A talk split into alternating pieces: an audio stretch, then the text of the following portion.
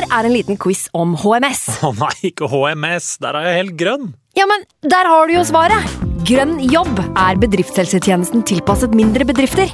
Våre HMS-eksperter hjelper mer enn 8000 bedrifter over hele Norge med alt fra lovpålagte HMS-krav til pålegg fra Arbeidstilsynet. Få på plass bedriftshelsetjeneste på grønnjobb.no.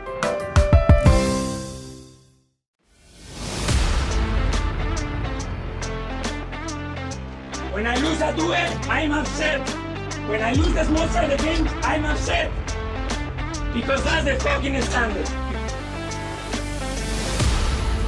Martin Odegaard into into the bottom corner.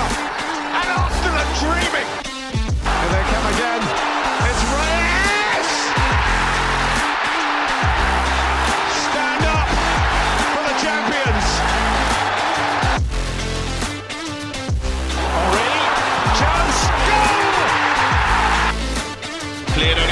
As Nelson has to get his shot right.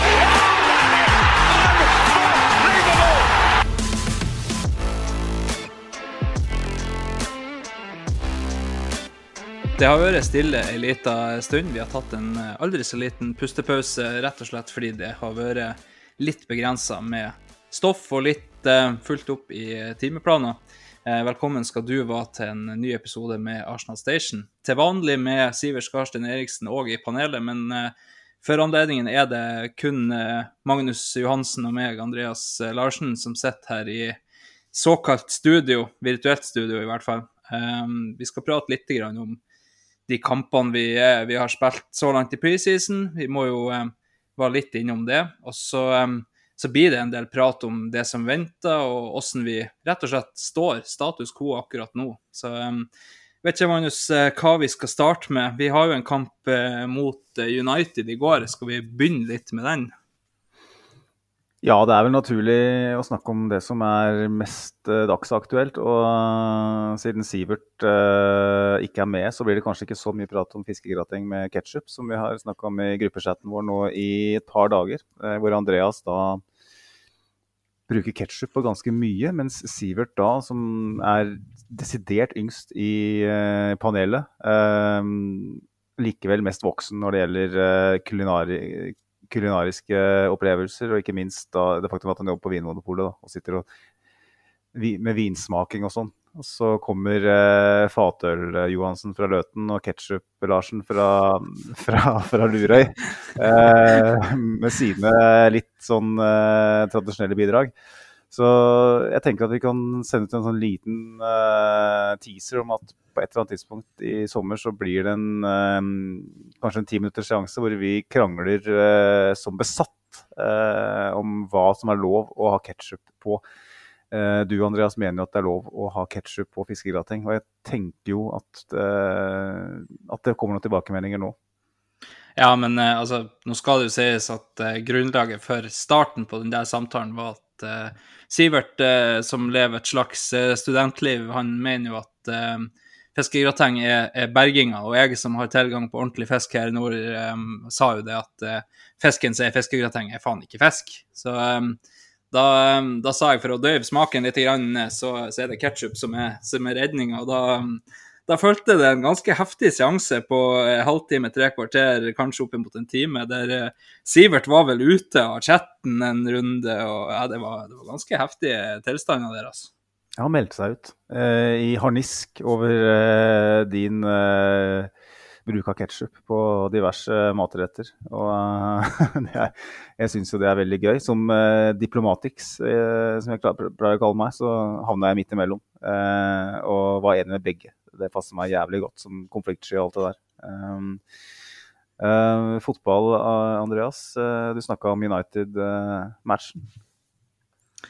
Ja, vi, vi har jo spilla Vi kan jo ta det litt i kronologisk rekkefølge, kanskje. Vi har jo spilla to kamper til eh, siden sist vi holdt på. Vi har en skill challenge eh, mot eh, MLS Allstars som, eh, som Arsenal vant. Eh, vi har en kamp mot eh, Allstars i MLS som Arsenal rutinemessig vant eh, 2-0, vel. Um, Wayne Rooney sa vel etterpå at um, som var som var da trener for, eh, for Allstars for, eh, for anledningen, sa vel at det var ingenting å ta ut av den, eh, den kampen der for han som trener. Det var midlertidig jobb, og man ser ikke noen av de spillerne igjen. og, Det var rutine, helt rutinemessig at Arsenal vant den kampen 2-0. Så har vi en kamp mot Nürnberg um, som endte 1-1.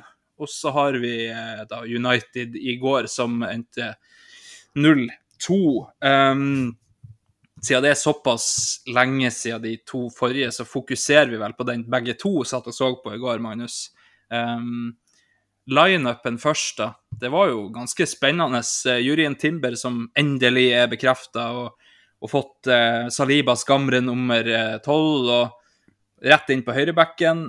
Kai Havertz inn på, på, venstre åtter, og Declan Rice, som da endelig òg er bekrefta, inn på den defensive midtbanen. Eh, ellers var det jo lite sånn, kan du kalle det um, overraskende, da. Nketia på topp er vel kanskje det eneste, at Jesus ikke starta, kanskje. Men ellers så var det jo de samme gamle. Det var eh, Ja, Tomiyasu på venstreback må vi jo nevne, for Zinchenko er enda ikke fit. Um, så Tomiyasu på venstreback, eh, Gabriel Otsaliba, Ramsdale i mål, så klart. Um, Ødegård i lag med Havertz og Declan Rice. Og så var det vel um, Saka og Martinelli på sida av uh, Nketia. Var det noe var det noe du la spesielt merke til? Vi vet jo at det er en nederlender der du er spesielt glad i. Hvis vi skal ta eh, foregripe begivenheten og snakke om kampen, så er det klart da har jeg en del å melde. Men lagoppstillingsmessig så var jo kanskje Tommy Yasse på venstreback den største overraskelsen. Jeg har jo vært klar på at jeg tror kanskje det blir backupen til Zinchenko, med mindre Kivior blir det. Mm. Uh, I den grad vi skal, skal, invertere fra høyre i stedet, og det så vi jo Timber gjøre så til de grader. Uh, Eh, da vil det være en mer defensiv, eh, kall stoppertype på, på venstresida. Litt sånn som Ben White har fungert på, på høyresida. Og eh, Tomiyasu eh, Tomiyassus dager på høyrebekk for Arsenal er vel talte, med både Timber og, og White. Og stoppermessig òg, så er det vel ikke sånn veldig naturlig at han skal inn der. Eh, og da, da, er det den venstrebekken som, som, er han, så at han starter da. Eh, foran Kieran Tierney er vel kanskje mest interessante. Eh, ettersom Kieran Tierney fremdeles er på preseason-tour med oss, og Newcastle eh, er mest opptatt av å lande Tonali og Harry Barnes og sånn, så lurer man litt på om det markedet vi har sett for oss for Tierney, da spesielt representert av én klubb, men kanskje også flere, eh, potensielt ikke er der. Også, jeg tror nok vi kommer til å selge Tierney, men jeg tror ikke det jeg tror kanskje det blir en saga som ender med en ganske betydelig mye lavere sum enn det vi så for oss. Um, mm.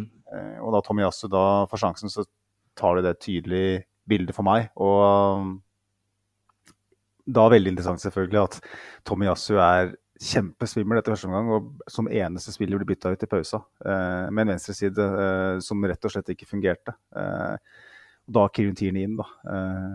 Er det er preseason en mulighet for, selv for Kieran Tierney til å bevise at han har en mulighet til å kjempe seg tilbake i Aritetas eh, planer. Og så eh, samme med, med, med, Ed Ketia foran Balogun, selvfølgelig. Eh, Balogun igjen en spiller som, eh, som det nok er en betydelig større interesse for enn for, for Tini. Eh, men som eh, selv når Jesus ikke starter, så kommer han ikke engang på.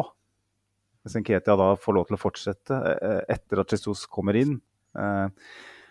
igjen kanskje et signal om at at det er en Ketia som skal satses på som, som, backup. Ja, det er, nok, eh, det er, nok, mye sant i det. Vi, vi ser jo Tomiyasu inn, gjorde jo en kjempekamp mot Liverpool i fjor. Det er nok litt kanskje manglende form i tillegg til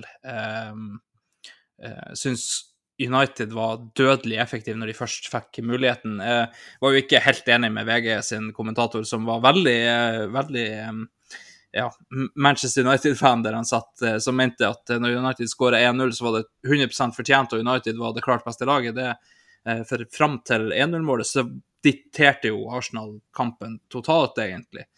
Styra jo helt åssen United fikk lov å spille.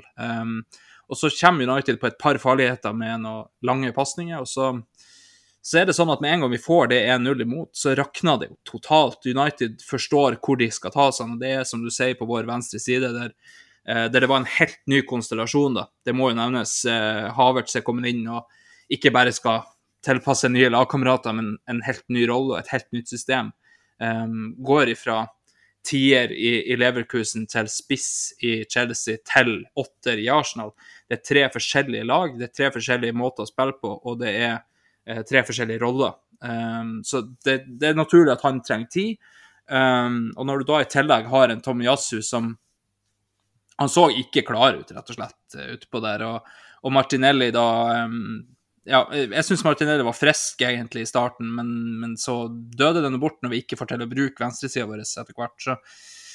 Um, og som du sier, Balogun ikke utpå der i det hele tatt. Da presterer, eller presterer, han prioriterer heller å flytte Nketia ut på venstrekant, uh, der Nketia ikke har gjort noen ting. Jeg syns Nketia har hatt en ganske grusom preseason, egentlig, uh, det jeg har sett av han. Uh, nå så ikke jeg kampen mot MLS, jeg så kampen mot Nürnberg. Um, og, så høydepunktene etter Watford. Det kunne man jo ikke se, for den var jo bak lukkede dører. Men, men jeg, så, um, jeg, så, høydepunktene der. Og så så jeg hele kampen mot Nürnberg. Der var han grusom. Helt usynlig. Uh, og, um, og uh, mot MLS uh, så jeg ikke, men mot United òg er han totalt usynlig, syns jeg. Får ikke til noen ting. enda verre når han blir flytta ut på venstre. Der har han ingenting å gjøre. da går vi fra ei jeg skrev det vel til deg, Magnus, at vi går fra ei dysfunksjonell til ei ikke-eksisterende venstreside, egentlig, eh, mm. når vi flytta han ut dit. Så veldig interessant. Når vi da så imot Nürnberg, så så vi Balogun som kom inn som en høyreving. Vi, vi så at Teta gjerne vil prøve han litt på forskjellige plasser, kanskje, og, og se om han òg kan være litt uh, versatile, for det er jo en, en, egenskap han virkelig setter pris på i spillere. Um, men uh, kommer ikke innpå mot United i det hele tatt. Um, så får United 2-0 i uh, Det er jo det er to tabber de skårer på. Den andre er verre enn den første. Første er en langpasning de legger igjen til Bruno Fernandes. Declan Rice hadde en veldig svak kamp, var veldig sent ute der. Bruno Fernandes helt alene. Forsvarslinja støter ikke ut, de legger seg lavt. Og Ramsdale kan ikke si at han akkurat uh, 'covered himself in glory', er vel det de kaller det i engelsk. Han, han, uh, han er ikke noe spesielt bra på det langskuddet der. Og, og 1-0. Um, Andremålet andre målet er en kjempebommert av Gabriel, og det, sånt skjer. Det er ikke noe spesielt kanskje i preseason, når du ikke er helt fit. Bomma på en klarering, og, og, han kommer aldri til å ta igjen Sancho i noe, noe løp. Det som kanskje er urovekkende mest i den situasjonen, er at uh, Ramsdale ikke kommer ut. Uh, han gjør seg ikke stor, han blir stående inne. Da gir han egentlig Sancho hele målet å sikte på. Jeg vet ikke om han kanskje tror at Gabriel skal ta han igjen, eller hva det er han egentlig venter på der, men, men Ramsdale kommer jo ikke ut. Og, og uh, Sancho bare blåser den opp i, i nettaket. og 2-0, og da var jo egentlig United ferdig med å spille fotball. Um, ikke i første omgang, de spilte bra fotball i første omgang, men i andre omgang så spilte de ikke fotball. Det var jo, skjedde ingenting, egentlig. Uh, kunne like godt ha gått og lagt med da. Um, så nei um, Back to the drawing board. Eller, det, um, I hvert fall mot de store lagene så virker det som et Havertz på venstre åtter kanskje ikke er Det er ikke klart ennå, i hvert fall. Så jeg har nok en, en vei å gå. så ser vi jo både på Twitter og på live, egentlig Jeg fikk jo med meg det, jeg vet ikke om du fikk det med deg, Magnus, at uh, Havertz ble bua på i går. Eh, av um, jeg, tror, jeg, regner med det var Arsenal-fans. Um, en gang han var borti ball, så, så ble det bua på utover første omgangen der. Um, det er jo ikke, ikke noe vi støtter, i hvert fall. hva har vi egentlig å si til de som allerede har avmeldt en spiller som, som har to ukers trening og to treningskamper under beltet, liksom? Altså, jeg tror ikke det er representativt for uh for Arsenal-fansen, rett og slett. Jeg, kanskje var det en liten gjeng med idioter som eh, eh, sammen eh, hadde bestemt seg for at nå skal vi bli lagt merke til her. Eh, når, når, toget for en gangs skyld stopper eh, på dems eh, perrong. Det er ikke ofte Arsenal spiller der borte. og vi vet at vi har en veldig stor skare med fans i USA. så kan det òg hende at det var Manchester United-supportere. Jeg aner ikke. Jeg, bare, jeg tror ikke vi skal legge for mye i det. Jeg tror ikke det er det kommer aldri i verden til å skje eh, mot Nottingham Forest eller mot Palace eller i noen av de kampene som kommer, selv om han skulle ha svake opptredener. Eh, stemningen og, troen rundt Arsenal eh, på et generell basis kommer ikke til å bli påvirka av et 2-0-tap mot Manchester United. Eh, i USA. Eh, en ubetydelig match, og hel, ei heller eh, noen svake prestasjoner av Kai Havertz. Jeg tenker jo at Kai Havertz i seg selv eh, skaper veldig mange spørsmål. Eh, jeg er veldig nysgjerrig. Det har jeg sagt tidligere, at jeg personlig er veldig nysgjerrig på hva planen er her. For at jeg ser det ikke helt sånn Jeg ser veldig lett hva planen med Timber og, og Rice er. Eh, og jeg syns med Timber så ser du allerede at det funker. Og det skal vi komme tilbake til, men med Declan Rice så er det veldig åpenbart det er en grunn til at Arsenal bruker de pengene. Og jeg forstår at de bruker de pengene, for det er akkurat den spillertypen du trenger. Og du vet hvor han skal spille. og selv om Timber er uh, anvendelig, så, så, ser vi at han kan spille et par roller fra seg. ikke? Kai Havertz er veldig vanskelig å si. Hva er egentlig hans rolle i det laget her? Uh, vi hadde jo Paul Thomas Clay fra Viaplay i forrige episode, og han var jo for så vidt enig i at, at han må revitaliseres, sannsynligvis dypere i banen, hvor han har mer, eh, av, mer løp foran seg. om man kan spille rettvendt, eh, være mer kreativ, eh, komme på mer skjulte løp fra dypet. men når det er sagt, så minner han minner meg null og niks som Granit Xhaka i den venstre åtterrollen. Og det er der hodet vårt er. ikke sant? Vi har til mm. dels lokka inn ikke sant? for at vi har en dynamikk vi har i hodet fra forrige sesong som funka veldig bra. Og vi tenker at uh, vi leter etter likhetstrekk mellom han og Sjaka, og vi kommer ikke til å finne det.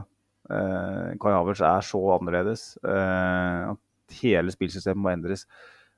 Og Kai Havertz gjorde på ingen måte eh, mine eh, bekymringer mindre. Eller ikke bekymringer, men han, han, besvarte på ingen måte mine spørsmål eh, på den måten jeg håpte på i, i går. Men, og da bruker jeg begrepet håp. Jeg forventa ikke at han skulle gjøre det så tidlig. I en helt ny midtbanekonstellasjon. Og der tror clouet ligger, da. Eh, det er for tidlig. Eh, men jeg kan, ikke, jeg, jeg. Jeg må si at jeg, jeg lurer veldig på hva, hva er planen her jeg stoler på at Ateta har en plan, men jeg, jeg, skjønner ikke hva planen egentlig helt er. Uh, jeg, jeg, bare, jeg, klarer ikke helt å se at, uh, at Havertz uh, altså, Jeg ser jo at Tomiyasu da kommer inn, at Kivior har spilt også i, i den rollen. kan man tenke at enten spiller Zinchenko eller Havertz, da. Begge to på samme side funker ikke, men at en av dem skal spille. Men at du har en mer defensiv type.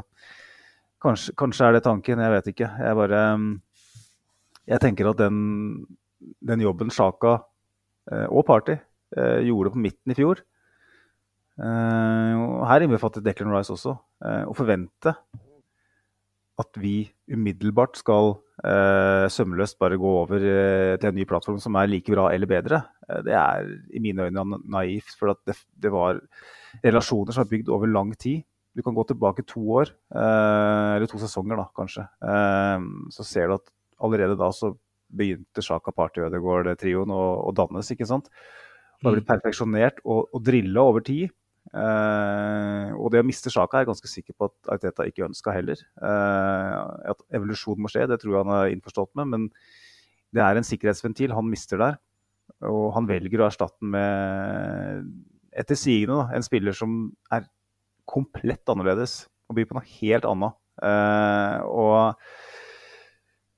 ja, det er der jeg har mine store spørsmål uh, foran denne sesongen her. Uh, jeg ser De andre lagdelene er jeg veldig komfortabel med, men akkurat den sentrale midtbanen er jeg veldig spent på. Er, det, er Kai Havertz virkelig Er vi klare for å kjøre Kai Havertz og Martin Ødegaard om en måned?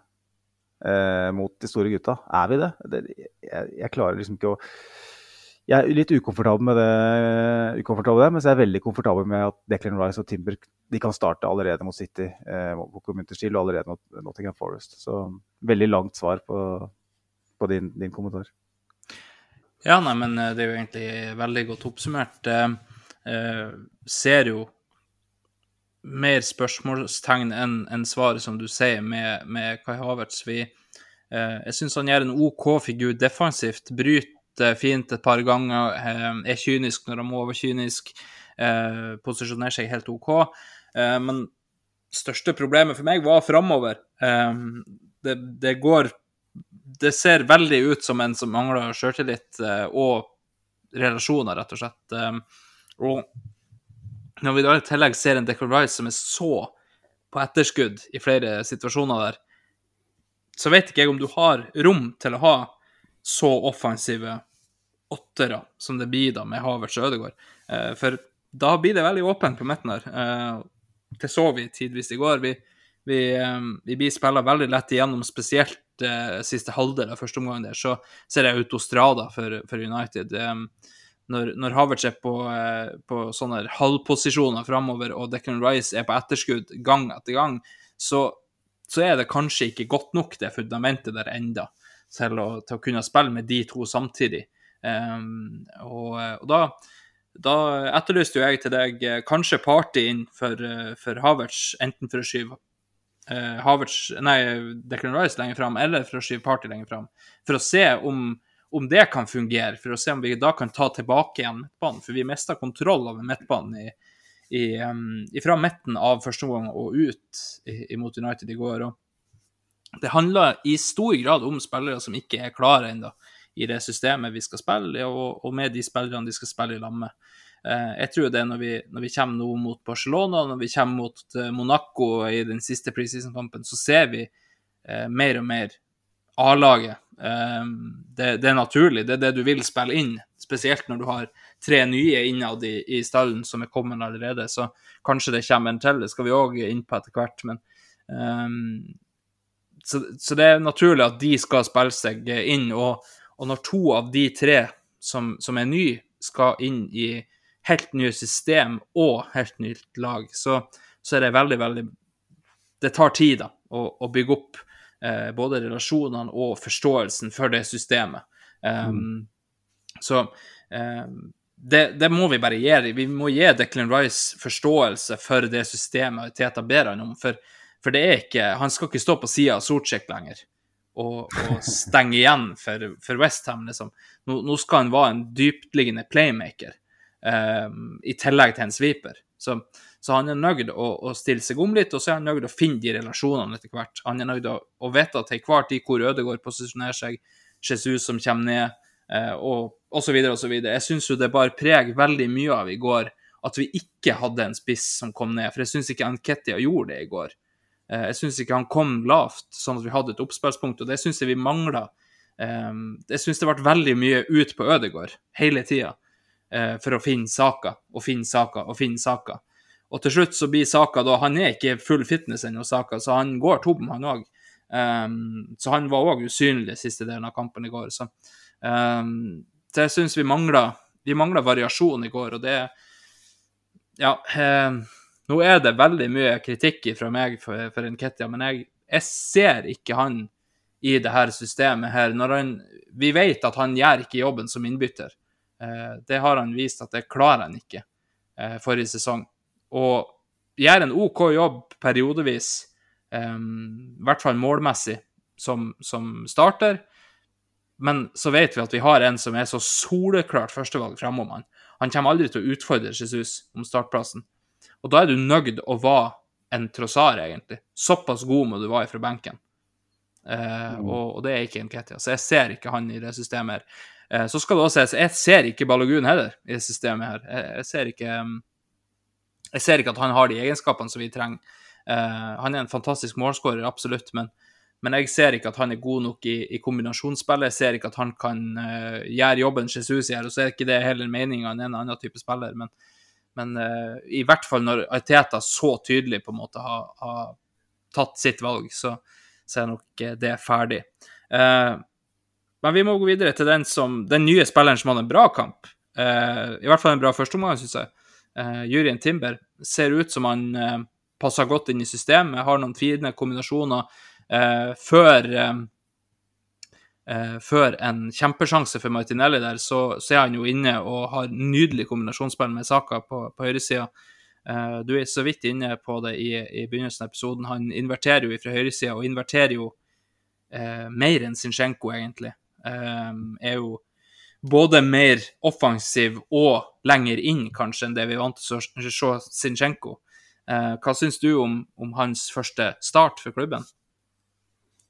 Veldig imponert. Uh, en av få jeg på en måte Eh, var, ble imponert av i den kampen der. Eh, han eh, som du sier, første start ser veldig komfortabel ut i, i rollen. Eh, leser spillet veldig godt defensivt. Blir liggende igjen som, som den ene eh, på offensiv dødball og klarer å avskjære de, de sonene som, som United-spillerne eh, søker. Eh, til, til enorm kontrast til motsatt side, hvor ingen var i stand til å avskjære de, de løpene. Så syns jeg Timber flere ganger viser at han er riktig posisjonert, til tross for at han spiller i en veldig sånn eh, roaming-rolle, for å kalle det det. Eh, jeg syns han, han er ekstremt godt orientert. Eh, det er et par tilfeller tidlig i første omgang hvor han er oppe og bruker hodet, klarerer. Litt sånn som Saliba, uten å dra sammenligninga lenger. De klareringene de går til medspiller. Det er, han vet lenge før den ballen lander på hodet hans hva han skal gjøre med den. Det er ikke en sånn, for å kalle det litt stygt, en Rob Holding-klarering. bare få den unna. Det er, det er adresse på klareringa, og det er gjerne det som skiller de, de veldig gode midtstopperne til de som bare er gode. og, gode, og forsvarsspillere, for den, den saks skyld. viser stoisk ro med ball uh, høyt i banen. Du refererer til et, et uh, kanskje det fineste angrepet vi har i kampen. En av de få gode angrepene vi har, da, uh, for å være helt ærlig. hvor han da slipper ballen perfekt vekta til Saka, som da slår til Martinelli. Og ja, generelt, jeg syns ikke han faller gjennom på noe vis. kanskje er relasjonene på høyresiden offensivt eh, prega av at det er en helt annen type som spiller der. Ødegaard eh, dropper litt uh, uh, dypere uh, i mangel på spillpunktet til, til, Ben White og er Jeg vet ikke om det er årsaken, men han er iallfall usynlig. Saka er etter hvert usynlig, men jeg syns Saka er veldig involvert når Arsenal har sin beste periode. Så jeg syns ikke han er veldig prega av å spille som en, en Timber. Um, av, de, altså av nyervervelsene, av de nye, så er det utvilsomt Timber som kommer best, eh, best, fra det. Og det sier jeg ikke med Timber-briller, det tror jeg alle kan se. Og mm.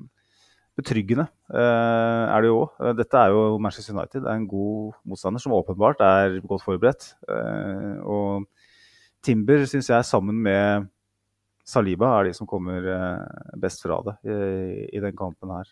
Og det er jo også ironisk sett mine, eh, to av mine store favoritter, så arrester meg gjerne hvis du er uenig. Men jeg, sånn jeg leste kampen, så syns jeg jeg synes Timber klarte seg veldig, veldig bra. Ja, det syns jeg absolutt. Uh, han, uh, som du sier, faller av riktig når han skal det. Det er et par situasjoner der han kanskje er litt på etterskudd, men jobber seg godt inn og får avverga situasjonen uansett. Um, de gangene han kanskje ikke klarer å avskjære, så klarer han å å um, på en måte holde igjen motspiller såpass lenge at vi rekker å komme mm. på rettsida igjen. Eh, det er òg en kjempeviktig del av forsvarsspillet. Det er, ikke, det er ikke alltid du skal ta taklinga, men du må skape tid og rom for de andre til å komme seg bak. Eh, det gjør han eh, helt fantastisk i den kampen der. Eh, og så er han tidvis er han jo vår fremste mann av og til. Står jo på høyresida der nesten som en høyre ving til tider. Kombinerer fint med Saka. Um, har, som du sier, et par fine klareringer som går til med spiller. det, jeg syns, syns, absolutt han kommer best ifra det. Og så prata vi litt om det før vi starta, Magnus, at, at, det handler jo veldig mye om at han gjør jo samme rollen egentlig som han har gjort tidligere, da. Kanskje spesielt for Nederland, der han har spilt høyreback. Men òg for, for, Ajax, der han får lov å gå framover en del. Vi, vi ser forskjellen på han, Havertz og, og, Rice er at han spiller egentlig et system han kjenner igjen ganske mye. Ajax eh, er et lag som skal ha ball, de skal kombinere, de skal spille høyt. Eh, og, og, de skal eh, spille egentlig relativt i grove trekk likt eh, som det Arsenal gjør. Så, så det, det, er kanskje lettere for han å gli inn i det. Det lille som mangler for han, det er relasjoner, det kommer.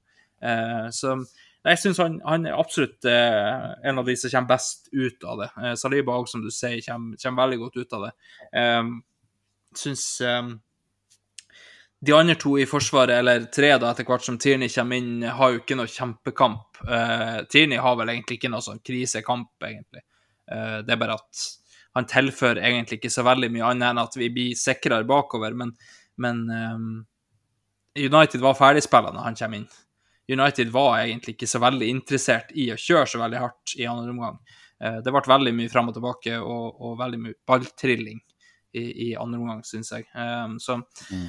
Um, det jeg, jeg, De kunne nesten ha spilt med Tommy Asu der i andre omgang òg. Det hadde ikke gjort så veldig mye. For, for jeg tror um, jeg tror eh, Ten Hag han tar av eh, ganske mange av de beste han har på banen, eh, tar han av til pause. Og, og gir vel egentlig beskjed om at 2-0 er kjempebra. Vi, vi, står det her ut.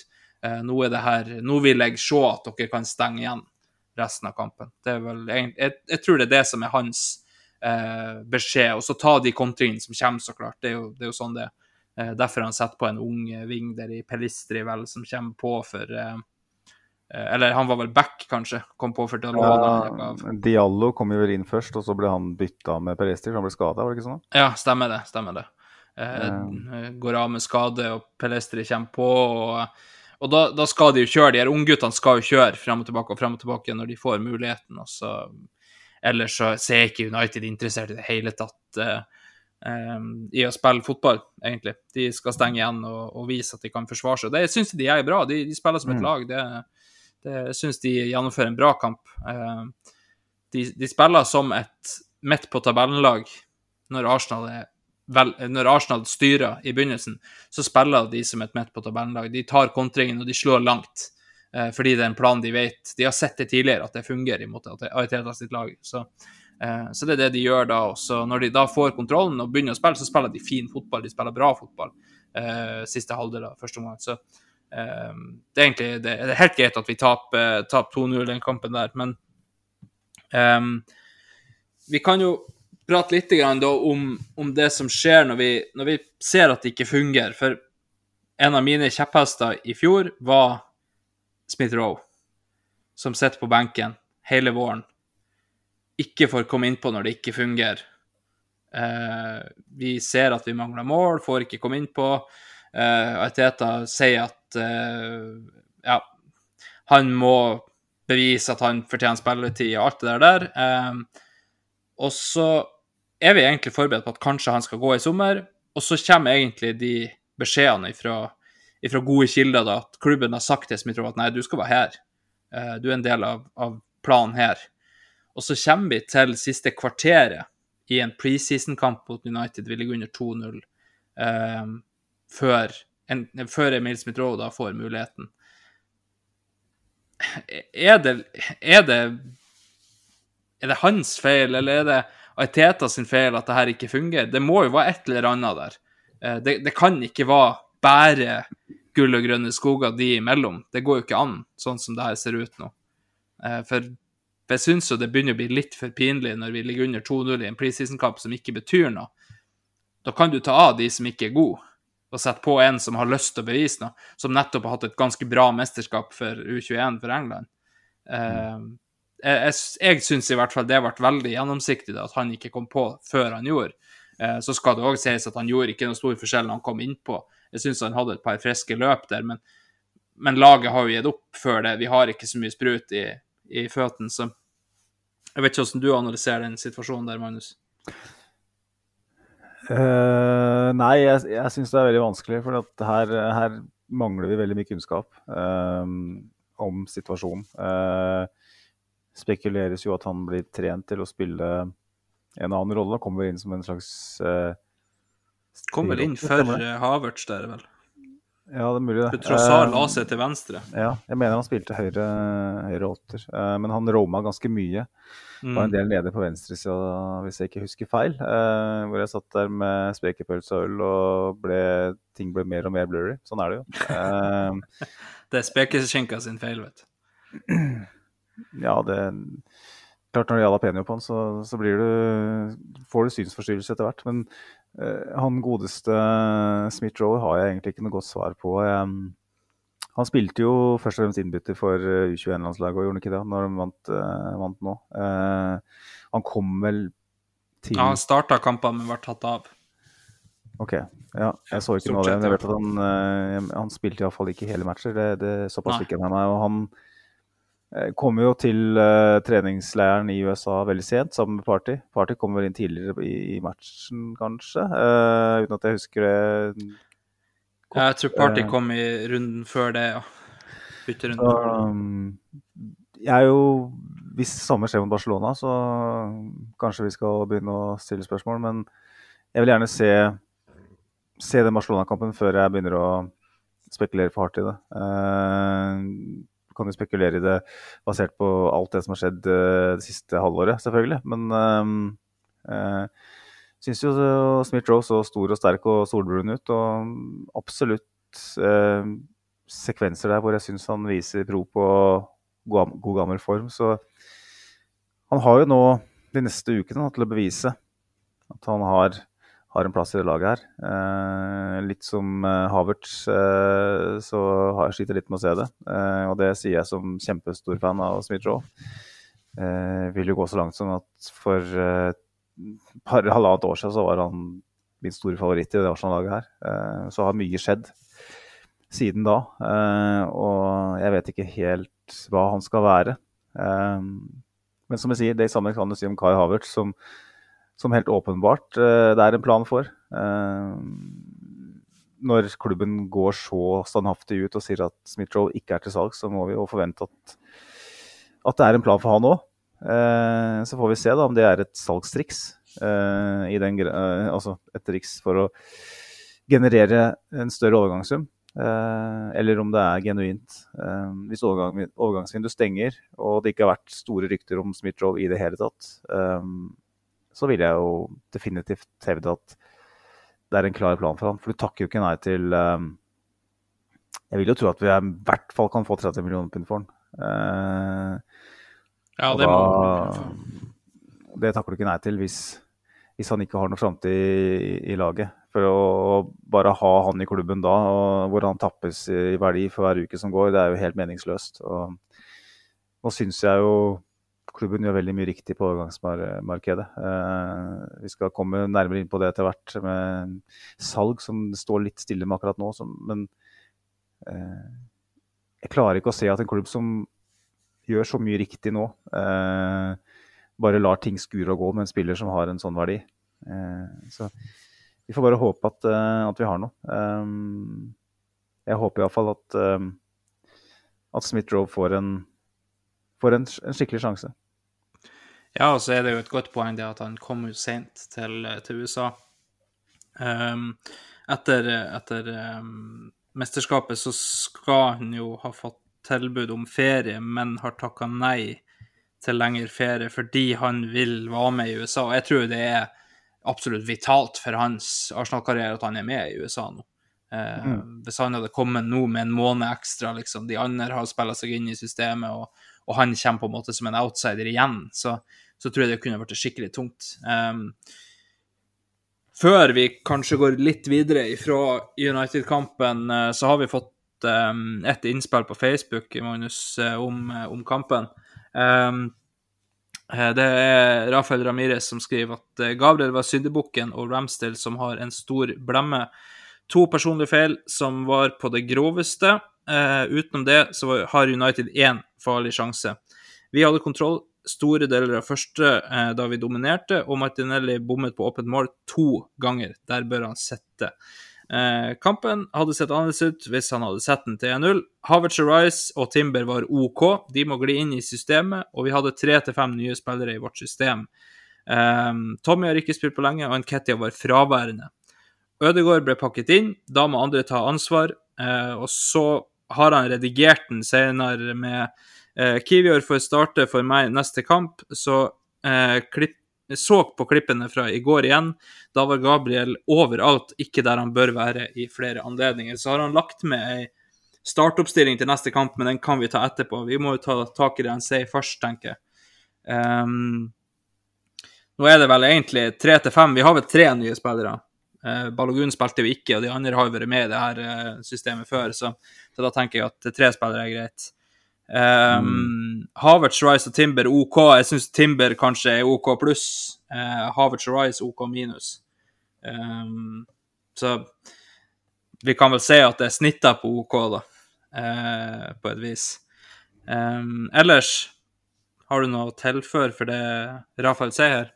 Altså, han, han, eh, refererer jo til den gode starten vi har i matchen. At vi går ut som et topplag og styrer og bestemmer. Uh, uten egentlig å klare å sette kniven i United på noe vis. Um, så er personlig feilen han refererer til, er viktig. Altså, uh, kan godt si at gi United honnør for, for, de, for den taktikken og, og de Mm. Presise, lange ballene de, de spiller, da, som åpner oss opp. Men jeg vil jo også si at et Arsenal eh, hvor ting er satt, og hvor spillerne står i rett posisjon, ref det vi så i fjorårssesongen, når, når de beste var på banen, så ville jo ikke de ballene ført til noe som helst. Eh, Nei, Gabriel vi takla det mye bedre når vi er i form, det, det er helt Ja. klart. da ville Gabriel ha Hvis Gabriel altså Gabriel gjør, kan selvfølgelig gjøre en feil i en tellende kamp, jeg sier ikke det, men ehm, Og så vil jeg også tro at en ehm, Som du sier, Ramstad ville kanskje kommet ut hvis han hadde vært litt mer påskrudd. Eh, litt uenig i det hylekoret som nå allerede er ute og melder at Ramstad er for komfortabel og alt det der. Husk på at Ramstad var en av våre beste spillere de siste 10-15 kampene av sesongen. Eh, Yes.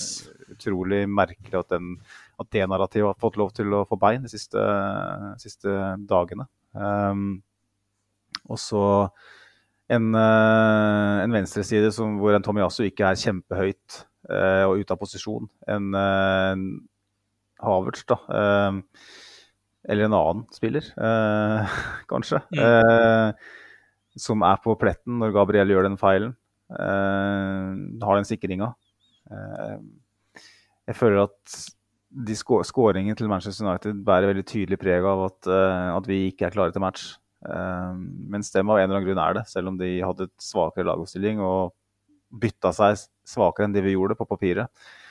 Eh, men det bare var en dårlig dag på jobben. og ting, relasjoner som ikke, ikke satt. Så jeg, jeg leser ikke så veldig mye ut av, av det. Men jeg, den venstresida, som sagt det, eh, jeg synes jo det, det er jo kanskje det mest interessante her. ikke sant? For at det er der vi ikke helt vet hva vi skal eh, tenke. Og vi har jo fått noen flere innspill på eh, Twitter eh, her. Og Håkon Firing Andersen han skriver jo må sette spørsmålstegn bak hvordan Havertz funka i en åtter. Rice var en mer tilbaketrukken spiller nå enn tidligere.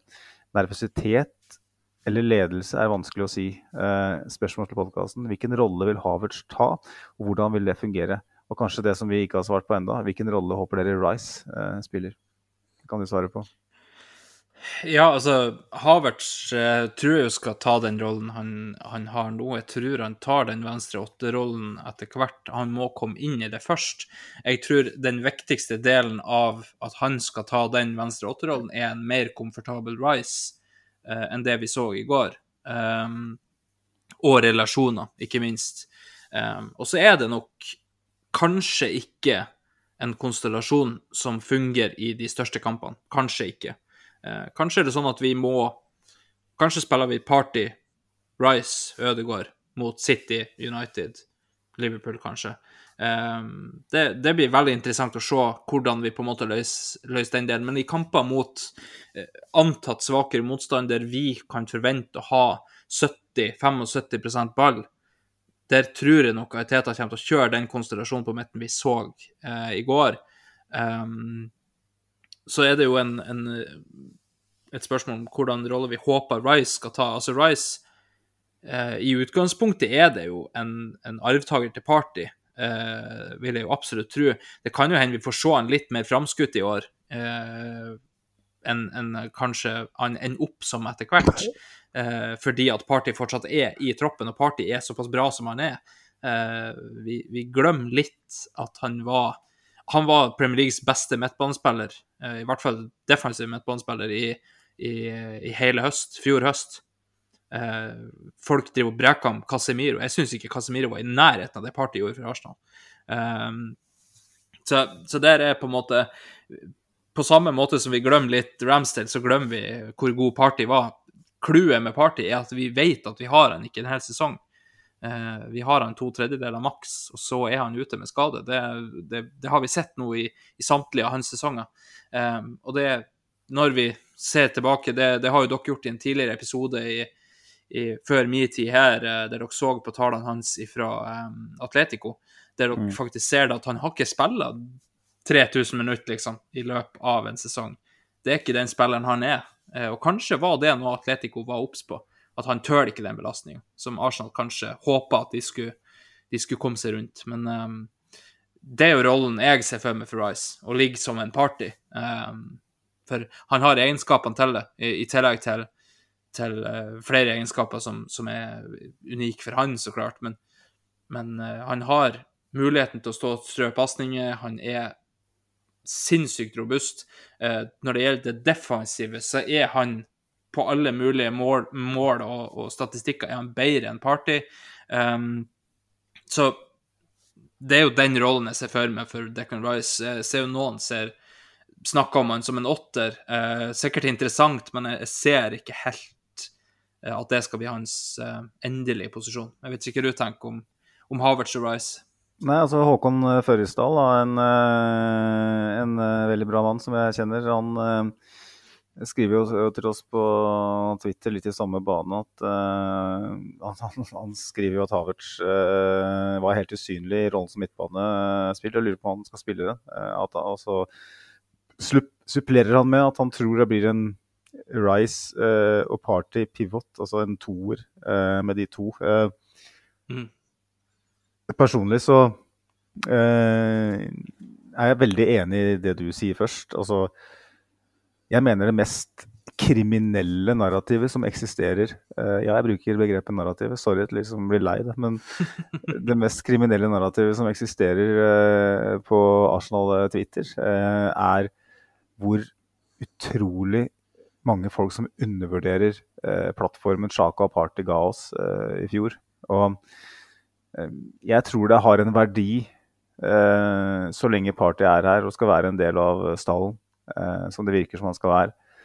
Og fortsette å spille han i den rollen han var så god i. Eh, jeg tror eh, Declan Rice har alle forutsetninger for å kunne være en god åtter. Han er enormt god på å frakte ball eh, gjennom ledd. Eh, han har en voldsom motor og en fysikk. Eh, han kan lett, tror jeg, gjøre den rollen Sjaka gjorde i, i fjor. I tillegg til å tilføre oss mer fysikk og pondus enn det Sjaka altså Pondus er kanskje feil begrep, da, men mer fysikk og mobilitet da, kan vi jo si, enn Sjaka mm. ga oss. Um, jeg tror han kan være vel så god offensivt. Og i tillegg så når kampscenarioene etterspør det, så tror jeg han kan lett bare droppe dypere. Uh, og bare mm. bli del av en backfemmer, som han har vist tidligere. Og Lars Parter ligge høyere, uh, som som han er mye mer komfortabel med. For vi så jo en del kamper i fjor at uh, når støtten rundt Party var for dårlig, ref Westham borte f.eks., uh, eh, hvor Party måtte droppe mye dypere og ta, en mye større, uh, ta et enda større ansvar, så, så falt han litt igjennom. Uh, delvis litt pga. form, men òg pga. systemets svikt i mangel på en Saliba bl.a. Uh, jeg tror Declan Rice vil kunne Eh, revitalisere Party til dels i, i, den, i, den, rollen. Og det som gjør meg ekstremt eh, håpefull, er at Og det vi på en måte har snakka om så mange, uh, i så mange episoder og etter, etter, et par år, er liksom hvordan gjør vi oss mindre avhengig av Thomas Party? Vi kan ikke ha en situasjon der én spiller som er så måte står som en sånn eh, ensom bærebjelke. Og når han mm. er ute, så kollapser det du kan jo lett se for deg at ok, party, vi vil ha Party hvile, da, men du kjører Georginio inn i den sekseren, så lar du Declan Rice fortsette i sekseren. OK, en hjemmekamp mot uh, antall saker i motstand. Kanskje kan uh, Havert spille, da. Eller Trossard i den venstre åtteren, og så kan Declan Rice få lov til å spille i den sekseren. Så kan Party hvile. Uh, vi har enorm dekning i den sekserrollen nå. Kanskje, ironisk nok kanskje den posisjonen vi har best dekning i. det er jo litt gøy. Uh, sånn at uh, jeg, jeg, tror um, uh, definitivt at Declan Rice har forutsetninger for å spille i, i en åtterrolle. Og jeg, jeg, håper på en måte at det er det han skal gjøre òg nå i, i denne sesongen her. Og så tror jeg, som, som deg, på sikt at han kommer til å overta den, den dype mm. rollen når Party etter hvert blir fasa ut. Men jeg tror jeg mener jo fortsatt at Thomas Party er kanskje er bedre enn Declan Rice i den sexrollen i det systemet Arsenal spiller nå. Og de som De som tror at fotball spilles på papiret, og tenker at eh, Havertz er en fantastisk spiller, og at Rice er en fantastisk spiller, eh, og at Ødegaard er en fantastisk spiller, og at det automatisk betyr at de skal kunne danne en god dynamikk eh, i en tre i Premier League, det, blir, det er for enkelt. Eh, litt sånn som når eh, Wenger henta inn alle tierne i Europa, eh, som hadde en viss, av et visst kaliber. Han husker jo Miketarian, Ramsey, Özil, Wilshere eh, Rosiski var vel kanskje inne der fortsatt. Og så var det sånn Oi, nå. kanskje det ennå, ja. Men nå, nå, eh, nå blir vi helt ustoppelige. Bare se for deg det Øsil, nevnte vi Øsil, eh, som er det viktigste. Eh, nå, nå blir vi ustoppelige. For vi har de, alle de gode spillerne her, og vi ser for oss at han skal spille der og han skal spille der. Men, eh, og jeg tror jo at Teta har mye bedre plan enn det Wenger hadde sine siste år, for all del. Men eh, jeg, jeg, syns det er for mange enkle konklusjoner om, om Tom, Thomas Partys eksklusjon av det laget her. Da. At han liksom bare så enkelt skal fases ut samme sesong som Mm. Granit Xhaka. Jeg synes det er så utrolig naivt. Sorry, altså. Ja, nei, eh, fotball spilles ikke på papiret. Da hadde det PSG vunnet Champions League hvert år, da. Eh, for de har hatt de største navnene nå eh, stort sett alle sesongene siden de fikk penger. Eh, det, det er bare sånn det er. Fotball spilles ikke på papiret. Du er avhengig av å ha, ha en god dynamikk, eh, god, stemning i stallen, en god trener som har en god plan, eh, og alt det her skal passe i lag. Eh, det er ikke sånn at, eh, at du bare kjøper de beste. Det er ikke Fifa, for å, for å si det veldig kort, det er ikke Fifa. Eller fotballmanager, for den saks skyld. Det, det er ikke bare å kjøpe, kjøpe de beste spillerne, så er du ferdig med det, liksom. Det, det er faktisk sånn at de skal fungere. Så det Nei, vi, vi får se åssen det er. Nå, nå har det jo rørt seg lite ut eh, så langt. Eh, eneste som har forsvunnet ut, er vel stort sett unggutter på lån og eh, Pablo Mari, vel, til Monza, som var bekrefta allerede før sesongen var ferdig. Så um, eh, ikk- jeg kommer i hvert fall ikke på noen flere som har forlatt eh, klubben. Eh, vi kan jo nevne et par som er ganske så klar.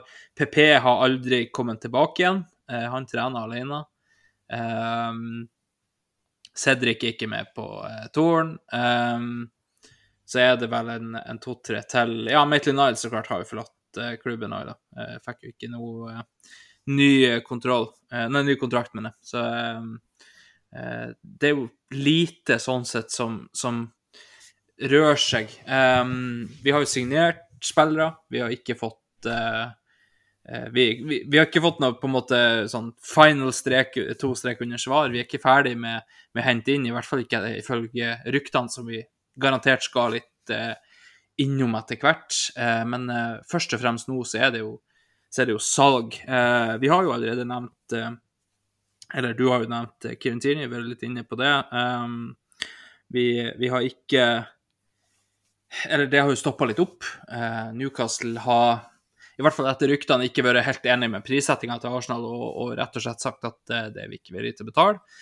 Um, så er det jo Altså, Cedric sier han skal fight for plassen, uh, og, og ja han, han om det. Um, ellers er det jo ikke så, så veldig mye som ryktes. Rob Holding eh, ryktes at han er fornøyd med rollen han har, at han skal bli varende. Eh, Balogun ryktes nå til Italia. Um, det er vel egentlig det mest konkrete vi har eh, så langt. Um, Elneni har jo fått eh, ettårskontrakt, er jo med nå som en slags eh, maskot, eller, eh, eller eh, maskot er vel kanskje litt eh, litt eh, ja, heftig, eh, men, men er med som på turen, da, sjøl om han er skada, for å si det veldig enkelt. Eh, kan jo ikke være med i noen tropper, han er, han er jo langtidsskada. Um, ellers så er det jo det er jo et par spillere som er kommet tilbake igjen fra lån, da, som vi kan forvente skal ut. Eh, Runarsson, for eksempel. Eh, Onkonko har vel eh, gått allerede, eller er det bare rykter? Eh, litt usikker. Hva kalte du det? Eh, Arthur Onkonko. Ja, ja, jeg, jeg tenkte på han Kristoffer Nkunku i Chelsea. nå. Var det veldig likt. Ja, nei, nei, nei. nei. Um, Selvfølgelig keeperen, ja. For han var i Østerrike i fjor, vel, på lån. Ja, stemmer. Uh, Carl Hein uh, er rykta ut på lån, og da er det vel rykta at vi skal enten hente inn en ung keeper eller ta opp en ung keeper, jeg vet ikke, til tredjekeeper. Uh, siden jeg regner virkelig med at Runarsson er, er ferdig. Eh, kan jo ikke tenke meg at han skal Altså, tredjekeeper OK, det kan han jo for all del være i, i klubben, for, for, min del. Det er ikke noe jeg, jeg tenker på.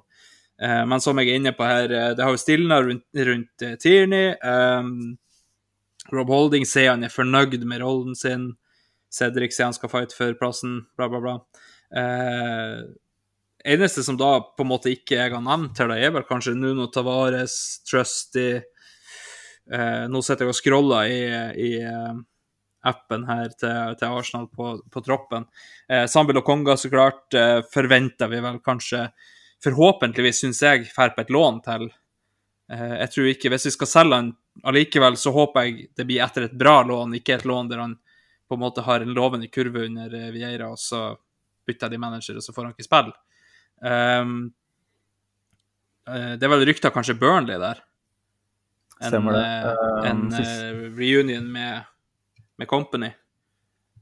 Ja, i kjent kompani med godeste Vincent. Bad Company. jeg, jeg, les, jeg, leste vel en uke her at uh, Jeg husker ikke helt kilden. så forsiktig med å melde det, men at Burnley var vel så interessert i en permanent overgang som en uh, ja. uh, Og jeg, jeg, tenker jo at det, det, beror i så fall på at Company tenker at han kjenner Lokonga såpass godt, og at han er redd for at ved å, å, hente han på et rent lån uten en opsjon, en satt opsjon, mm. vil kunne føre til at prisen går i taket. nå er han meldte han vel som nye Yaya Touré, gjorde han ikke det? Ja, han Når han var det, i Anderlecht. Han gjorde det, vet du. Så Company har jo vist at han vet hva han driver med òg. Eh, så jeg tenker at Arsenal skal uh, Hvis det skal være et rent salg, så skal Arsenal stå ganske hardt på sine prinsipper og referere til nevnte intervju, da, hvor han skryter uhemma av, yes. av, av Dokonga. Så det er jo jeg tenker jo, altså Vi har jo vist nå at vi står ganske hardt på kraven. Fikk jo ganske mye for Sjaka. Eh, og når Newcastle sier at de ikke er enig i verdsettinga av Tierney, så, så, går vi fra bordet i stedet for. Eh, så, og så er det jo de som prioriterer litt andre ting. Men, eh, men det virker jo som at vi er i en litt ny æra, da. At vi ikke er laget som betaler folk for å ta spillerne våre. Jeg har jo sagt eh, på denne podkasten at jeg tror det er to navn igjen og det er PP og Cedric, det vi kanskje er nøyd å, å gi ei lita flaske konjakk på sida, liksom, for å, for, å ta, for å ta spillerne. Um, Cedric må jo bare si så mye han vil, at han skal fight for plassen, men hallo. Ben White og Jurien Timber og Tommy Yasu på papiret. Du, du, du, skal jo ikke forbi det, liksom. Da må jo han inn i, i kantina og jobbe som kantinedame og forgifte samtlige først. Ja. Ja, allikevel tror jeg Gariteta har andre valg, så um, Jeg har frist å legge til uh, McFarlane og Gunnar Soros òg foran Cedric på den høyrebekken. Så det, ja. han, han, bør absolutt uh, komme seg videre. Det er jo um, Og så har vi jo nå, Når jeg sitter på denne appen her, så, så, vi kan jo se det så tydelig. Det er enkelte som ikke har fått nytt bilde i år. Mm -hmm. på, på, appen, liksom. Um, alle de, de, kjente kjære har fått nytt bilde. Til og med Runarsson har fått nytt bilde. Uh, Arthur Unkonko har ikke fått. Uh, Tr Trusty har fått. Cedric har fått, det var litt kjipt. Men Nuno Tavares har ikke. ellers er det Lokonga har ikke. PP har ikke, Balogun har ikke, og Markinios har ikke alle de er vel spillere vi forventer skal forlate klubben, egentlig. Kanskje noen eh, permanent og noen på lån. Eh, jeg tror mm. ikke vi selger Markinios, f.eks. det vinduet her. Nei, det tror jeg ikke jeg heller. Eh, og jeg tror det kanskje er litt tilfeldig. Det, ja, det handler jo litt om når de avslutta sesongen. når, altså Hvis de ikke var der når bildene var tatt, så får de ikke nye bilder. Det er jo så enkelt. Husker du en, uh, en Ashley Cole som ikke smilte når han ble avbilda med den nye drakta i 2006, når han var i harnisk? Yes. Fordi at han hadde blitt tilbudt mindre på papiret enn verbalt. Eller muntlig, da. Jo. sånn at vi kan, vi kan si det at Runarsson ser direkte forbanna ut på nye bildet sitt, så ja. Det kan være Ja. den islandske eh, måten å gjøre det på. Ja, det, det vet jeg ikke så mye om. Men uh, uten å, å sitere Otto Espersens uh, famøse Island-tale fra torsdagsklubben i 2008, så skal jeg, så skal jeg unngå å si noe negativt om Island. Uh, men, men Runarsson er også Er det, er, er det verdt å nevne den? Eh, av og Nei, til så eh. ligger jeg, ligger jeg i min eh, himmelseng og um, Har du himmelseng, altså? Nei, jeg bare kaller den det. for at jeg- inn jeg syns det er himmelsk å sove, sånn, fordi at det Mm. gjør så lite som småbarnsforelder. Men eh, av og til så setter jeg opp elver i hodet mitt. Det er en sånn, litt som i stedet for å telle sauer, da. Og av og til så tenker jeg nå skal jeg sette opp en elver bestående av de, den, dårlige, den svakeste Arsenal-elveren jeg har sett. Og det er to navn som bare detter ned i hodet mitt. Eh, uten at jeg rekker å Det er tre navn da, som detter ned i hodet mitt før jeg rekker å begynne Ikke, å gruble. gidd, ikke gidd å bruke det navnet på W, da. Altså, Han, det han faktisk- som ikke Ja, men det, det, ikke det, den er ikke med. Han, han er ikke av de tre. Uh, Oi, såpass. Dette er en aktivitet jeg driver med i mange år, da, men det er André Santos, det er uh, Igor Stepanos og det er Runa Runar Runarsson. Det er liksom det verste av det verste jeg har sett i Du har ikke Lichsteiner inni der, altså. Han er nok potensielt inne i en rolle der, men også, det er ikke de tre Han, han detter ikke umiddelbart ned, nei. Nei, vi har ikke hatt så veldig mange verre høyrebacker. Skal, skal, vi skal vi ta det her til slutt, Andreas? Hadde hadde det vært gøy? Jeg vet, jeg vet det er mange som hater sånn, uh, sånt og syns det er dårlig gjort og mobbing og sånn, men vi trenger kanskje ikke å reklamere med det i episodebeskrivelsen, men vi kan jo prate litt om det. Sette opp en sånn uh, verste Ja. i min levetid. Det Er ikke det litt gøy, nå som det er sommer og Ja, og, litt- altså, vi, har, vi har ikke så mye annet vi skal innom, liksom. Ja, men da gjør vi det. Det er noen løse rykter inn, men eh, ellers er det jo ikke er det ikke veldig mye. Ehm, vi har eh, Og som, som nevnt her tidligere, så er det ikke så veldig mye konkret ut heller, annet enn at Balogun ryktes til Italia. Um, I hvert fall at, eh, at de er interessert. Uh, det skal visstnok være, være en prislapp på 30 millioner pund uh, inni bildet der. Mhm. Um, de kommer jo da noen dager før United-kampen, så kan man jo lese inn hva man vil om, om at han ikke spiller i, i går i det hele tatt, men, men det er nå så. Um, Annet enn det så er det jo ikke noen konkrete rykter. Eh, det har vært litt sånn løse rykter om party til, til både Juventus og til, eh, til Saudi-Arabia, men ikke noe som er konkret, og i hvert fall ikke når Teta sier han er en del av av klubben. Så klart, det kan jo være verdens beste salgstriks, det å si at han er kjempeverdifull. Men, men når Teta sier det, så tror jeg på han. Eh, av så bra han har vært for oss, rett og slett. Eh, og fordi, som du har sagt tidligere i podkasten her, at uh, å selge både han og Sjaka samtidig er ganske risky. Uh, så jeg føler på en måte vi Vi sitter litt på, på, på vent nå. Uh, det er noen løse rykter inn men, men samtidig så er det Det har nok veldig mye med, med salg først, vil jeg tro. Um, og det med at vi kanskje heller skal beholde Nketia enn Balogun, har nok noe med at Arteta har veldig trua på Nketia. Det vil jeg nok tro. Han har, han har gitt ham ny kontrakt osv., men men òg fordi det er et marked for Balogun. Det er ikke tvil om det. Um, og har du ikke et marked for det, er jo- det er jo samme Vi solgte Emmy Martinez, ikke Bernt Leno, fordi at vi hadde kjøper for Emmy Martinez. Um, det er litt samme greia. Mm. Så Da er du ikke stolt, ikke sant? Men samtidig så, så eh, Så kan vi kan for så vidt ta med et eh, lyt- lytterinnspill fra Twitter fra um, Fjærli, at Gufferen1. Eh, han skriver eller han stiller første spørsmål. Det er på tide å gi Balogun spilletid over Nketia. Nketia er for lite dynamisk i banespill og blir isolert. Bidrar lite. Det har vel for så vidt du allerede sagt uh, innledningsvis her, Andreas. Men han skriver ja, jeg jo har vel egentlig Balogun høvla, høvla ned allerede. Men uh, han skriver også at Balogun kan bli et wildcard fra, fra benken. Uh, og jeg tenker jo at, eh, at, at det er mye riktig, riktig at, at han kan være det, men har vi råd til å ha et wild- wildcard til, som man kan potensielt kan få en halv milliard for? Mm. Sannsynligvis uh, ikke. Og så tror jeg vel egentlig, også mitt innspill her, Andreas, blir jo Jeg tror Arteta genuint er glad i Nketia som type. Det har han vært veldig tydelig på. Eh, jeg tror han ser på Nketia som en fyr som bidrar veldig positivt på felt og i garderoben. Eh, I tillegg en spiller som beviselig har potensial. Absolutt. Eh, vi, altså jeg, i den podkasten her, når jeg og Simen styrte showet her, jeg var jo eh, på tuppa etter Nketia i januar. For jeg syntes han var så bra når han kom inn for Jesus.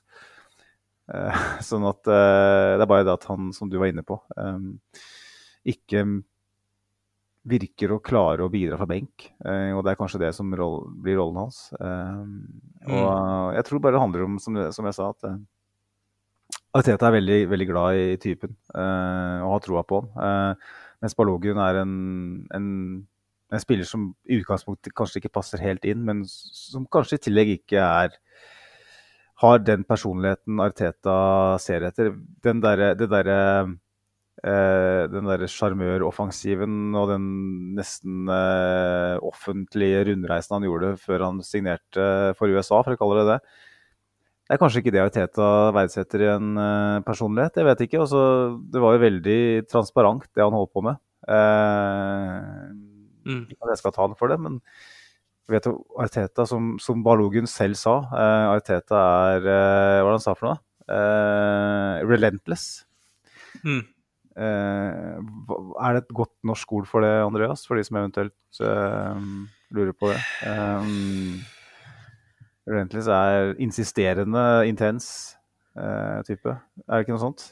Au, altså, Relentless er vel egentlig um, Ja, nei eh, det, det er typisk sånn når du på en måte Når du prater så mye eh, engelsk til vanlig, så er det vel egentlig eh, eh, Du, du mista det norske, da. Um, jeg ser eh, Google sier uopphørlig, men det er jo ikke helt det vi leter etter, liksom. Nei, men jeg, jeg tenker jo inn- Nådeløs. Nådeløs. Der har du det. Ja, Eh, på en måte, men jeg føler jo at det, oppsummerer ikke begrepet godt. Eh, Nei, altså, Insisterende på en Ja. veldig intens måte er det jeg tenker, da. Men eh, Han er jo utrolig som- prinsippfast, egentlig.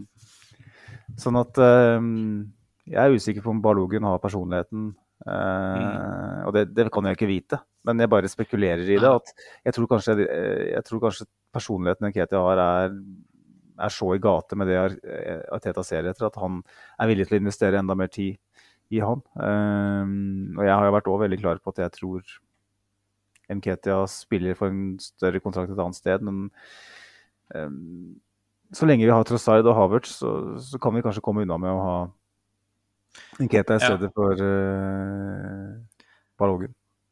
Ja, det, altså, det er jo uh, litt som vi har prata om uh, tidligere i, i kveld, at uh, at det største problemet for meg er ikke talentet eller egenskapene, eller det at han så tydelig trenger to-tre kamper fra start for å kunne levere, liksom.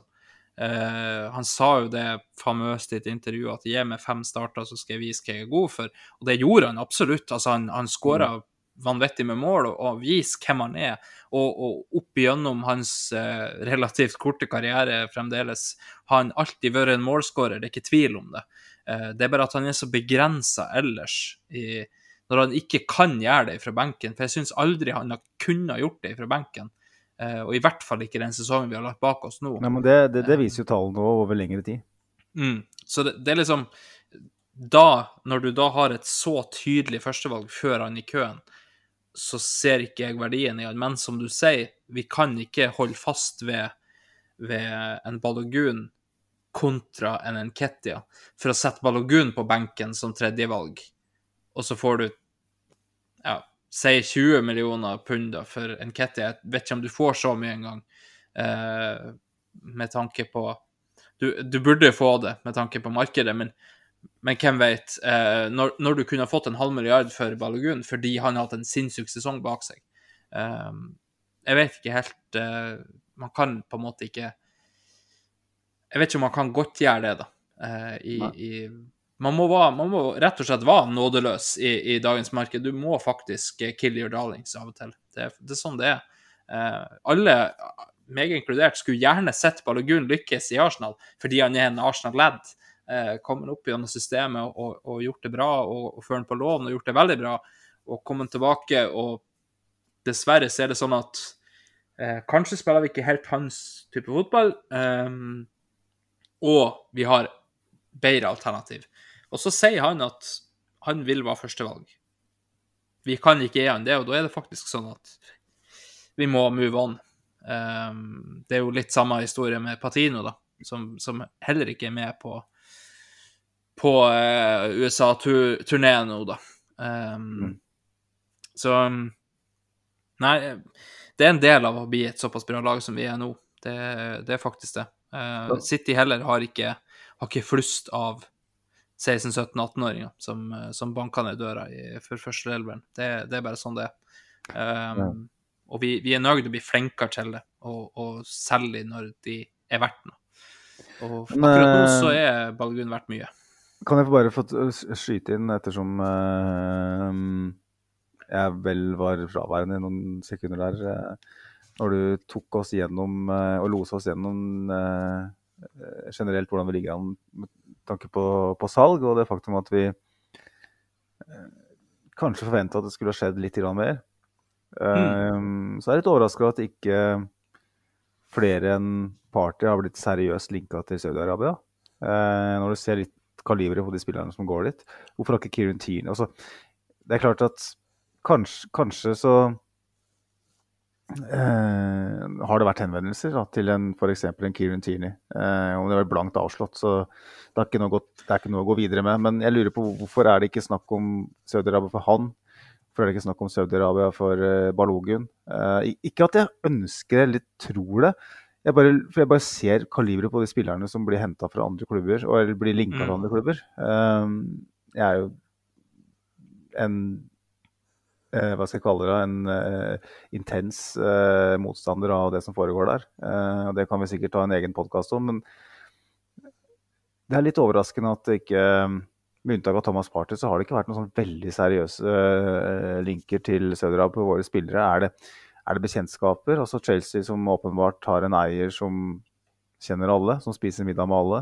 Uh, Newcastle, Newcastle som, som, nå selger uh, Sant Maximin. En, uh, så har du en uh, Liverpool hvor Steven Gerrard-linken er ganske sterk, som henter Henderson, ser det ut til. Um, det er flere klubber også som har solgt dit, eller er i ferd med å selge dit. mens jeg lurer litt på hva er det Og i en, en grå og trist fotballhverdag hvor, hvor, det er det man leter etter, har, har, Arsenal mangel på noen koblinger til den skitne delen av fotballen som gjør at man ikke får hva skal jeg si, at man ikke i like stor grad Det er agenter inne i bildet selvfølgelig òg, men som, jeg vet ikke hva, hva årsaken til det Jeg skjønner det ikke helt. men vi sitter iallfall igjen uh, i et overgangsvindu som markant uh, skiller seg ut uh, ved at det plutselig er et nytt marked. Mm. Og Chelsea selvfølgelig, som stort sett alltid utnytter alt som er skitten fotball, og en del andre klubber profitterer stort på det. mens vi ser ut til å ikke gjøre det, og sitter igjen per nå med veldig mange av salgsobjektene våre når vi skriver ja, snart slutten av av juli. Eh, jeg er litt um, Jeg håper på en måte at de ikke selger litt, men jeg er også veldig gira på at vi får inn litt, litt cash for, for uh, melkekuene våre. Da. Uh, og ja, det, det, bør skje litt snart. Jeg håper ikke vi havner i en sånn siste uke av overgangsvindu frenzy hvor vi må låne ut 15 spillere, liksom. for å ta et Ja, eller begynne å kjøpe ut spillere igjen. Det, det, er jo en annen ting, da. Men jeg lurer litt på det. Og så må vi nevne Sivert Nei, Sivert hører det. Jeg skal snakke om Sivert nå, derfor kalte jeg det Sivert. Men jeg vet ikke om du nevnte det i stad, Andreas, men Sivert han sitter jo og dynker uh, fiskegratengen sin i ketsjup og gråter akkurat nå. Men han, han ville jo gjerne by på sine kilder igjen, da. han er jo vår egen ITK. Uh, og han påstår jo at uh, Mohammed uh, Kudus er en spiller Arsenal har Han var jo ute Det kan jo vi for så vidt avsløre, Andreas. Han var jo han, han, kom jo med det her før det breaka, med Ornstein og alt det der. ja, en god stund før. Eh, så han har helt åpenbart gode kilder, og det har han jo bevist. Eh, og han melder jo at det her, her jobber Arsenal intenst med å, å hente Kudus. Eh, forutsatt igjen da, at vi klarer å selge Mm. et par spillere. Er det um, Jeg antar det er en spiller du ikke har sett veldig mye. Uh, men uh, basert på det du har lest osv., er det en eh, litt anvendelig type som kan spille på midten, kan spille høyere i banen? Er det, er det den siste brikken? Det er jo veldig interessant. Det er, jo, vi må jo bare eh, berømme Sivert igjen for, for sine kilder. Eh, han har jo fôra oss nå i, i hele sommer med, med både, både rykter og, og beroligende ord om, om dealer som vi begynte å bli litt smånervøse for. Um, og, og Kudus er da det siste som, som er kommet derifra. Um, og han var vel ei god uke før resten av verden eh, dukka opp etter han eh, på, på akkurat den dealen. Så, eh, så kudos, eh, kudos for, eh, for gode kilder. Eh, nei, altså, som du sier, det, det er jo en spiller jeg ikke har sett eh, veldig mye av. Eh, Ajax det er stort sett bare i Champions League man har sett. Um, men det, det virker jo som, som enda en sånn da eh, versatile og, og kan brukes uh, på flere posisjoner. Eh, absolutt en spiller som, som, uh, som har vært spennende altså sett inn i, i systemet vårt. Og så syns jeg det er en, en sånn rar ting, det der å kjøpe to spillere i samme vindu fra en og samme klubb. Ehm, det, er liksom, det er ikke så ofte det skjer, egentlig. Så, så det, det er jo et kapittel i seg sjøl, men, men um, Nei, absolutt enig. jeg har vært spent på. Nå, nå ryktes det jo òg at um, i lys av uh, visse ting som foregår i, i hovedstaden i Frankrike, så, så har Real Madrid satt flere spillere til salg, uh, blant annet Chaumeni, Uh, eller Tuchemeni, eller hvordan man uttaler det der. eh, Tchouameni. eh, Ja. Eh, det er jo òg en spiller som er ekstremt spennende, som Arsenal har vært linka til før. Eh, som jeg òg gjerne skulle sett inn i, i klubben. Um, min våteste drøm er jo Eller våteste drøm er jo Mbappe. Eh, jeg har jo sagt det til deg at eh, signerer vi Mbappe, så skal jeg kjøpe den, eh, den sebradrakta vår. Den refleks-sebradrakta. Du kunne, du, kunne, du kunne gått lenger enn å si at du skal kjøpe ei drakt, Andreas. Du, kunne, uh, det, okay, er såpass, det er såpass safe at uh, Da skal jeg slutte med ketsjup på, eh, på fiskegratengen. Yes. der, der er vi, vet Sivert, du, du hørte det. Um, nei, eh, det er jo flere, men, men eh, eh, Kamavinga er en jeg har beundra lenge. Uh, og, og jeg så han et par kamper for Real Madrid, og han er så vanvittig bra. Um, Så det hadde vært en, en drøm. Og så er det jo andre, sant. Frenkie de Jong har jo vært sinnssykt, men, men det går ikke. Uh, men, men eh, Kamavinga har, har vært en drøm. Uh, Chomeni har òg vært spennende. Uh, nå virker det som det er Kudus de går for. Eh, og um, og eh, hvis han signerer, så kommer jeg til å backe han like godt eh, som, som resten. Eh, og, og det blir kjempespennende å se om det er brikken som, som gjør at alt faller på plass. Kanskje det er brikken som gjør at vi kan alternere litt grann, eh, mellom de kanskje litt større og litt mindre kampene. Eh, kanskje det er en som gir en annen kanskje litt mer rom for å flytte til en annen posisjon, eller ja, det er veldig spennende. Og så vet vi at vi trenger backup òg. Det, det er ikke bare første førsteelver vi skal forsterke. Eh, vi så eh, Og Arsenal- Arsenal-fans har, har fått erfart det altfor mye de siste årene at eh, man kan ikke gjøre seg avhengig av de som starter. Du du trenger, trenger gode backuper bak alle, og, og skader kan komme hvor som helst. Så, så vi trenger gode alternativ, og vi trenger andre strenger å spille på, ikke minst. Når lag begynner å finne ut av oss, så, så trenger vi andre strenger å spille på. Så det, det blir veldig veldig spennende. Jeg vet ikke om du har noen tanker rundt, eh, rundt Kudus? Nei, jeg har ikke noe utover det du har sagt, egentlig. Jeg bare um, noterer meg at det er en spiller som kan spille i den åtterrollen. Uh, jeg er fremdeles veldig spent på hvordan man skal løse det. og uh, Min våte drøm er jo at Barcelonas uh, naive eh, låneprosjekt eh, basert på framtidige TV-inntekter gjør at de blir tvunget til å selge. Eh, at vi kan hente en uh, Frenkie de Jong.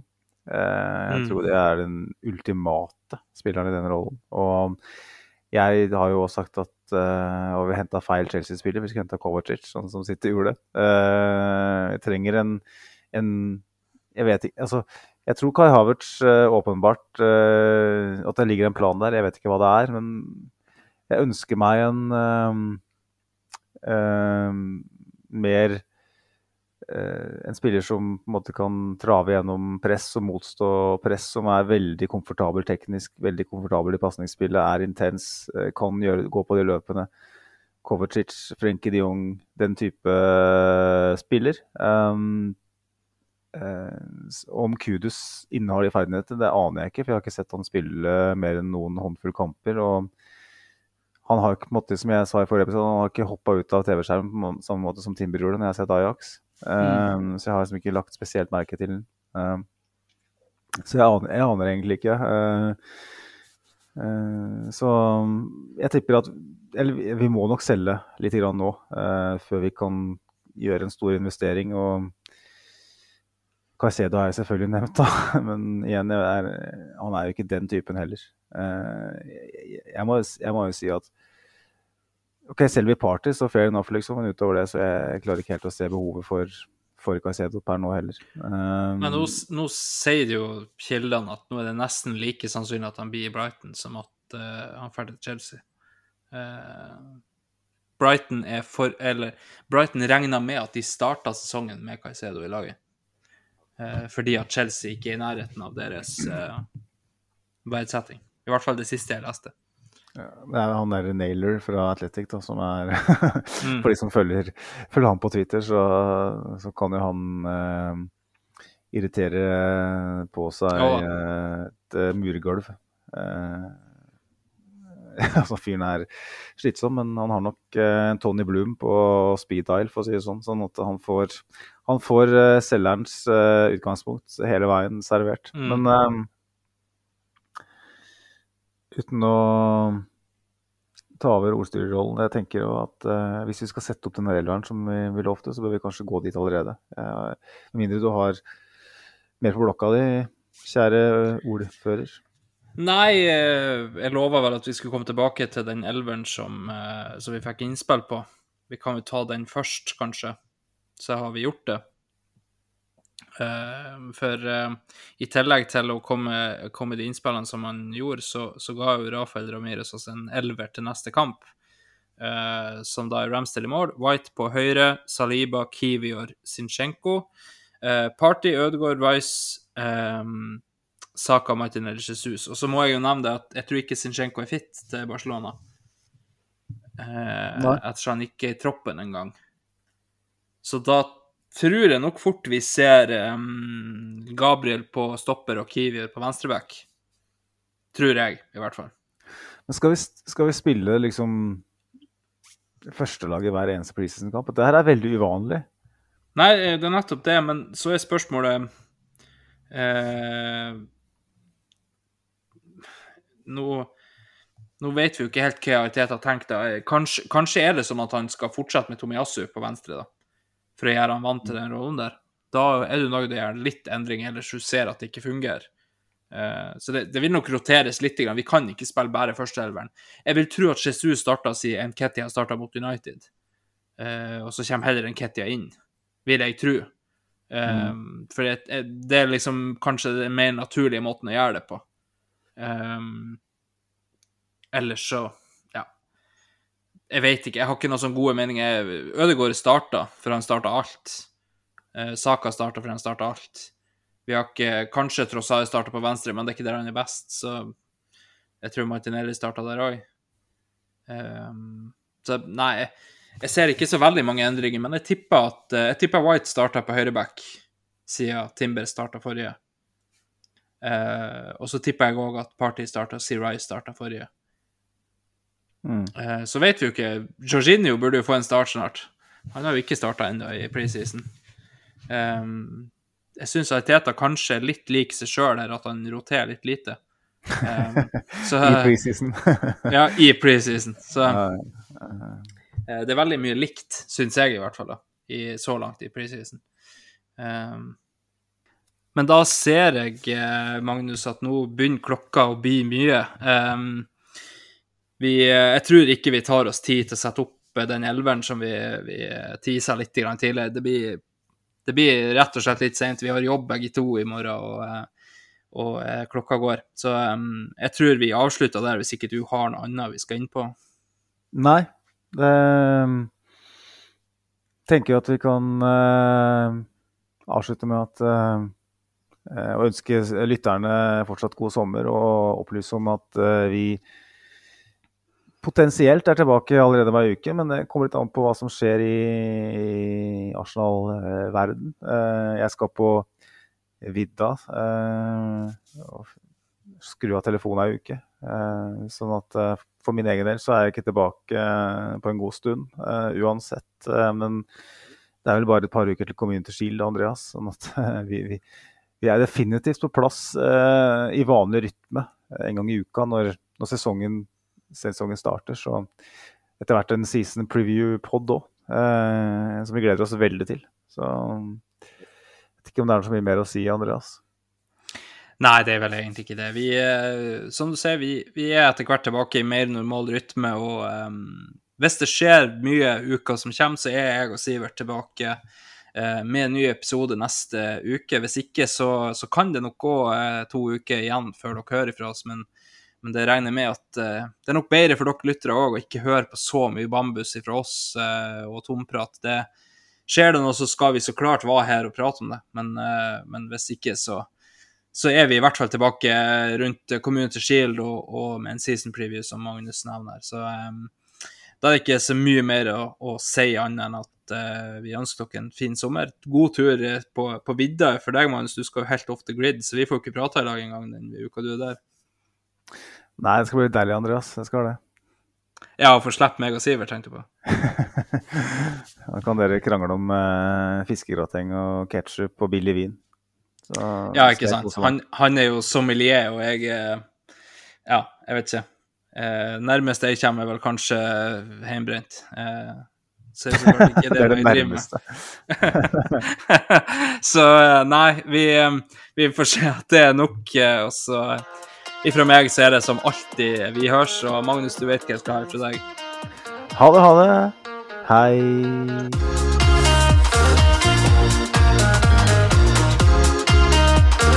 This train terminates here.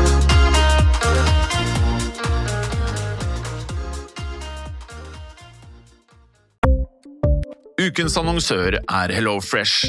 HelloFresh er verdens ledende matkasseleverandør og kan være redningen i en travel hverdag. Mange av oss har nok vandret i butikken både sultne og uten en plan for middagen, som ender med at vi går for de samme kjedelige rettene gang på gang. Middag burde være dagens høydepunkt. Som HelloFresh kan du nå velge mellom 25 ulike retter hver eneste uke, eller få HelloFresh til å sette sammen menyen for deg. Dette gir deg muligheten til å prøve nye og spennende retter alene eller sammen med familien. Du velger antall porsjoner og får alt levert på døren på et tidspunkt som passer for deg.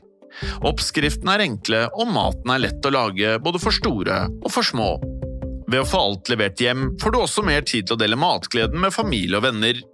Kanskje det frister med asiatiske tacos eller greskinspirert kylling? Da kan jeg anbefale deg om å gå inn på hellofresh.no. Her kan du bruke koden FOTBALL og få opptil 1779 kroner i rabatt på de første fem matkastene hvis du ikke har prøvd HelloFresh tidligere. Du kan også bruke rabatten hvis du har vært kunde og stoppet abonnementet ditt for tolv måneder siden eller lengre. Gå inn på hellofresh.no og bruk koden FOTBALL. Har du et enkeltpersonforetak eller en liten bedrift? Da er du sikkert lei av å høre meg snakke om hvor enkelt det er med kvitteringer og bilag i fiken, så vi eh, gir oss her, vi. Fordi vi liker enkelt. Fiken superenkelt regnskap.